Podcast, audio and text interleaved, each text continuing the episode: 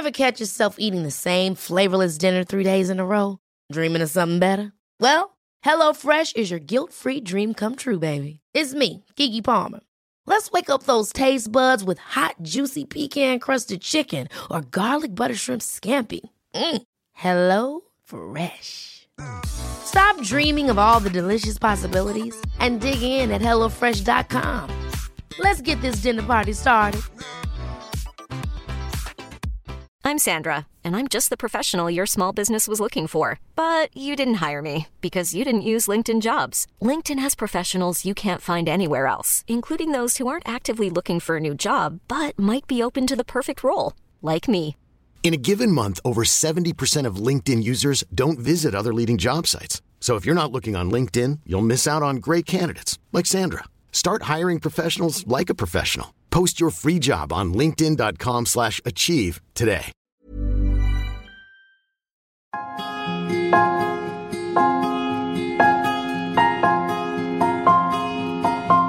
في فترة من الفترات في كان عندهم شعور انه شو اللي عملناه في هاي البنت صغيرة حرام انه شعروا انه برضه انه الارتباط كان من اساسه غلط لانه اطلعي كنت طفلة جسديا وطفلة كمان عقليا. يعني تفكيري كان محدود في الحياة ولما تزوجت تسكرت كل ابواب الدنيا يعني صرت ست بيت. بقدر ما قصة ضيفتنا لليوم فيها بؤس ومعاناة بقدر ما فيها عزيمة وأمل. ضيفتنا إنسان انحرمت من كل أحلام الطفولة مثل إنها تكمل دراستها تمرح مع صحباتها وزميلاتها في المدرسة تكون لاعبة جمباز محترفة والسبب بكل بساطة لأنه في حد شاف وقرر عنها فجأة إنه الأنسب إلها تصير زوجي في عمر 14 سنة وأم في عمر 15 أنا عبير قبطي وعم تسمعوا بودكاست عيب من إنتاج صوت. تم تغيير اسم الضيفة وتغيير صوتها بناء على طلبها للحفاظ على خصوصيتها.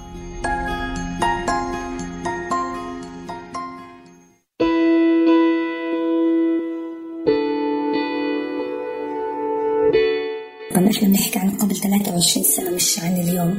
فكان قرار عائلي تقريبا بس ما في غصب يعني ما في إجبار ولكن كان في جهل. يعني هاي نقطة كتير مهمة إنه يعني مش بغصب عنك بدك تتزوج بس هذيك السنوات أو, أو قبل 23 20 25 سنة الموضوع الزواج لسن بنت عمرها 14 سنة ما بتدرك شو هو الزواج ما بتعرف شو هو الزواج فطبيعي يعني الأفق مسكرة مغلقة طفلة. فطبيعي إنه شو ما ياخذوا العائلة قرار بتعتقد إنه هو الأنسب لإلها. كنت وأنت صغيرة بدي أجيب علامات كاملة بامتحاناتي. كنت بلعب جمباز. فكان عندي إشي كتير كتير مهم بالجمباز وإشي كتير بحبه. فلما خطبت صار إنه تعرفي كيف إنه بصرش وعيب وخطيبك بدوش وبده من, من هذا الحكي. كانوا أهلي حاطين عليه شرط إنه أنا لازم أكمل مدرسة لازم أكمل التوجيهي بس مجرد الزواج تركته وقعدني بالبيت مع مع مع إنه هو طالب جامعي كان. ما ما ما حب إنه أكمل مدرسة. خلونا نتبع رحلة ضيفتنا إيمان بنت القرية الصغيرة في فلسطين من أول يوم لزواجها ونسمع كيف بدأت حياتها في البيت الجديد اللي انتقلت إله في المدينة. وعاشت فيه مع زوج اللي هو طالب جامعي أكبر منها بحوالي عشر سنين ومع عائلته الغنية والمثقفة واللي إلها وزنها ومكانتها الاجتماعية.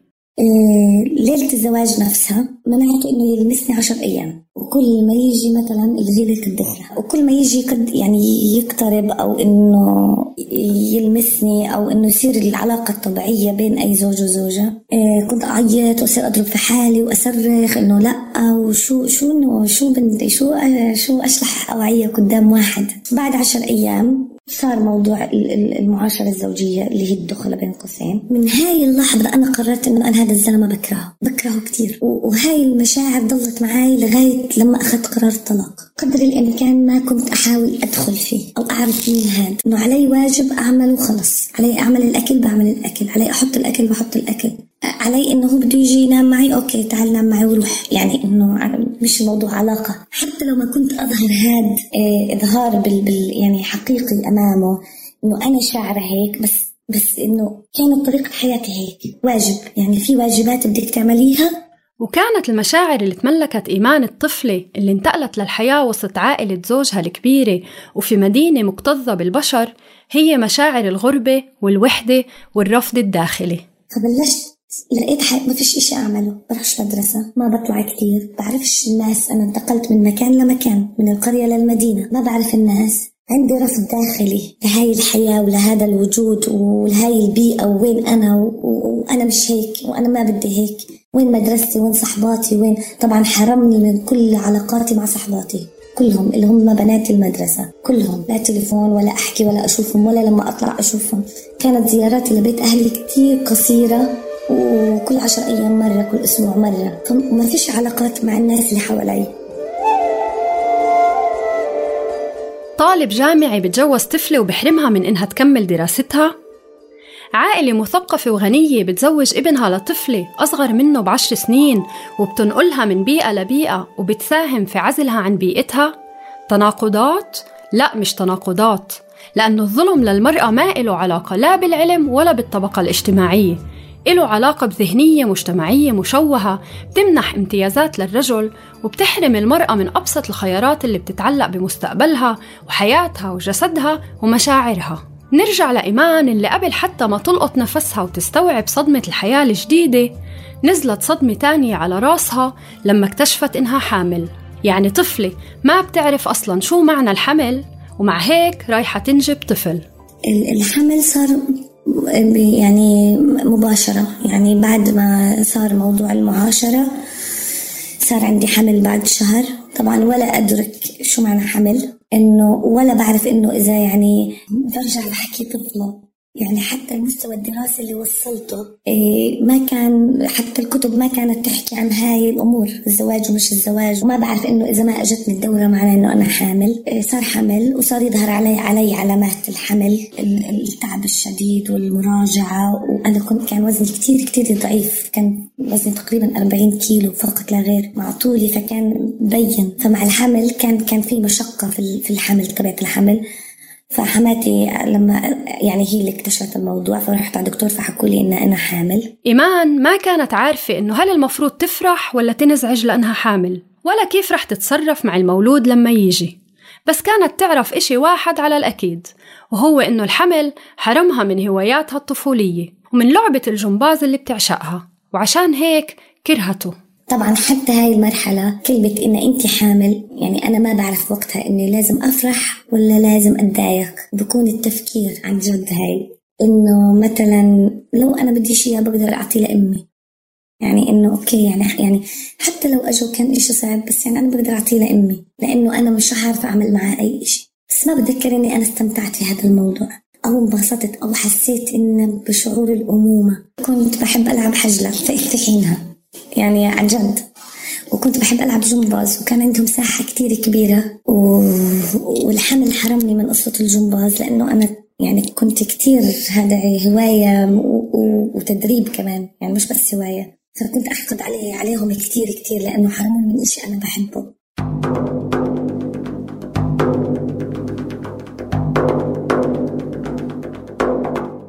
إحنا قادرين نستوعب حجم المعاناة والإحساس بالضياع اللي بتحكي عنه إيمان وبتعيشه آلاف الزوجات القاصرات اللي مثلها في مجتمعنا؟ قادرين ندرك مدى الظلم اللي بيرتكبه البعض في مجتمعاتنا لما بيقرر تزويج طفلة ويحرمها من إنها تعيش الطفولة ببراءتها وعفويتها أو يحرمها من حقها الطبيعي في التعليم وفي اختيار طريقها بنفسها ويجي بعدين يحكي لها يلا رح تصيري أم شو بدك أحلى من هيك؟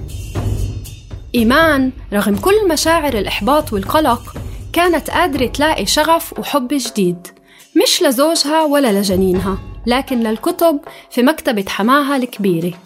وأوجدت خلال هاي الفترة المنفذ اللي أنا بهربني من من هذا الشكل لأنه كان حماي حدا كتير مثقف كان عنده مكتبة كتير كبيرة. فلجأت لمكتبة حماي. صرت أقرأ. نفس الشيء شيء وهذا يعني ما كانش لسه في بيبي موجود يعني مولود كنت حامل. مسكت الكتاب كان مكتوب عليه أول كتاب قرأت قرأته. جبران خليل جبران النبي. عجبني العنوان. فلقيت شيء حلو. فصرت من كتاب لكتاب من كتاب لكتاب أقضي يومي. هيك لقيت عندي كتير اهتمام في الروايات وقصص الحب وقصص العشق وال هاي الإش... لقيت زي كأنه الإشي الناقص فيا يمكن. فصرت أبحث عنه في الكتب. فصار عندي شغف في الروايات.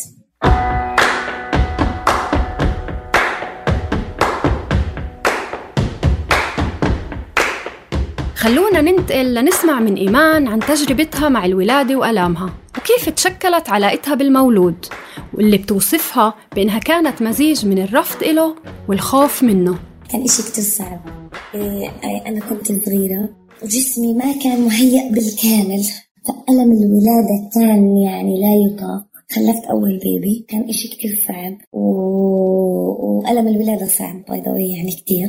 البيبي الأول أنا ما بديت أرضعه. أبدا أبدا أبدا أبدا. كل الدنيا أمي حماتي في هذاك الوقت خواتي الدكتور الدكتورة. إنه أنا لازم أحطه على صدرك عشان ترضعيه عشان يقدر يرضع منك عشان بحكيها بالفلاحي يمسك صدرك. ما رضيت أقربه من صدري نهائيا. نهائيا يعني ابني البكر بالمرة ما رضع مني ولا ولا نقطة حليب إيش؟ طبعا كنت أخاف منه. يعني أخاف منه أشوفه إشي صغير كله لحم إشي صغير صغير بخوف. إنه أنا ما أغير له ما ألمسه ما أصيبه ما أعرفش أعمل له إشي أصلا. يعني حقيقة ما بعرف. كانت حماتي هي اللي تدير الأمور. يعني هي اللي تعمل له الحليب في الرضاعة هي اللي تغير له هي اللي تحممه. علاقة الغربة بين إيمان الطفلة وابنها الطفل استمرت عدة شهور. وفي مرحلة معينة ابتدت تتغير وصارت تحبه وتتعلق فيه. مش كأم مع ابنها لكن كطفلة تتعامل مع لعبتها. بلش البيبي يكبر ويعمل حركات البيبي الحلوة فانت يعني بتجذبك صرت أنا بدي أكتشف هذا المخلوق. يعني صرت وقت يعني هيك صارت العلاقة إن أنا بدي أكتشف. لا يعني حلو. بلش يضحك ويعمل الأصوات الصغيرة الجديدة هاي. صرت يعني صرت أكون مبسوطة. فكأنه بيبي بتعامل مع بيبي. هي حقيقة هيك. فبلشت إنه آه بلشت العلاقة من هون. لما بلش يكبر أربع شهور خمس كل ما يعمل حركة جديدة صرت أنا بدي أعرف هذا الإشي. تعلقت فيه. تعلقت فيه كثير مش شوي. صرت كل مرة على مرة أكتشف إنه حتى لدرجة تعلقت فيه إنه أنا ما بدي حدا لا ما بدي حدا يسيبه. يعني هذا إلي. كيف كأنه لعبتك دبدوبك هيك. كأنه هذا إلي. يعني لا ما بدي حدا ما ما حدا يسيبه. ما حدا يحكي له شو يعمل. ما حدا يحكي له شو ما بتعمل. يعني حتى صرت بالعكس بدي آخذه منهم. من من بيت من أسرة الأسرة الكبيرة. إنه هذا إلي إلي أنا لحالي فبلشت العلاقة من هون مع ابني الأول.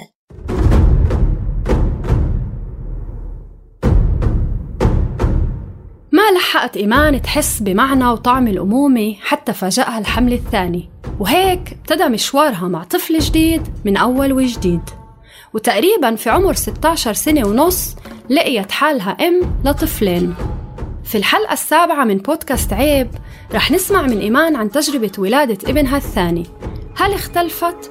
وفي أي مرحلة تحولت إيمان الطفلة لإيمان البالغة؟ وإمتى بدأت تتمرد وتقول لأ؟ وهل نجحت في إنها تتحرر من الواقع اللي انفرض عليها وحرمها من حقها في إنها تعيش طفولتها وتستكمل تعليمها وتكون شخصيتها المستقلة؟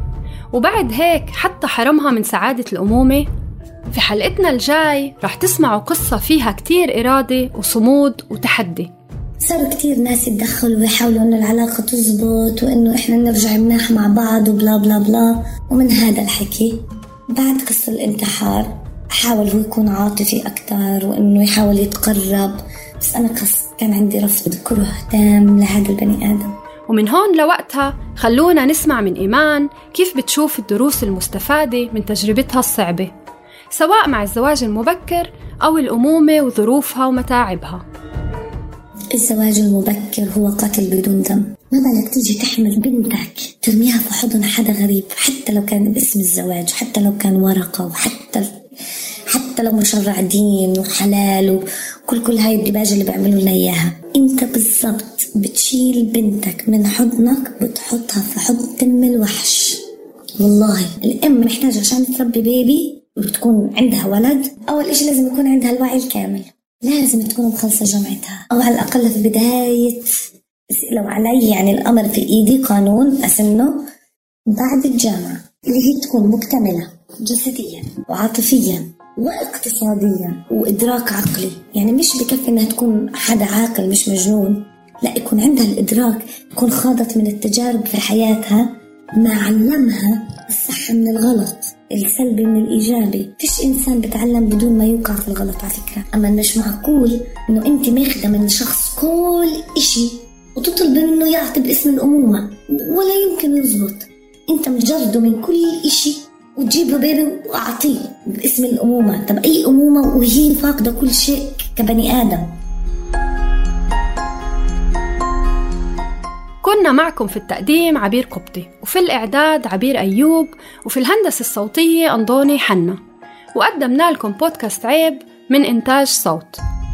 تابعونا على فيسبوك وإنستغرام وتويتر وفيكم تسمعونا على iTunes أو على أي podcast player بتختاروه. العيب هو سجن موجود بس في راسنا خليكوا على السمع في الحلقة الجاي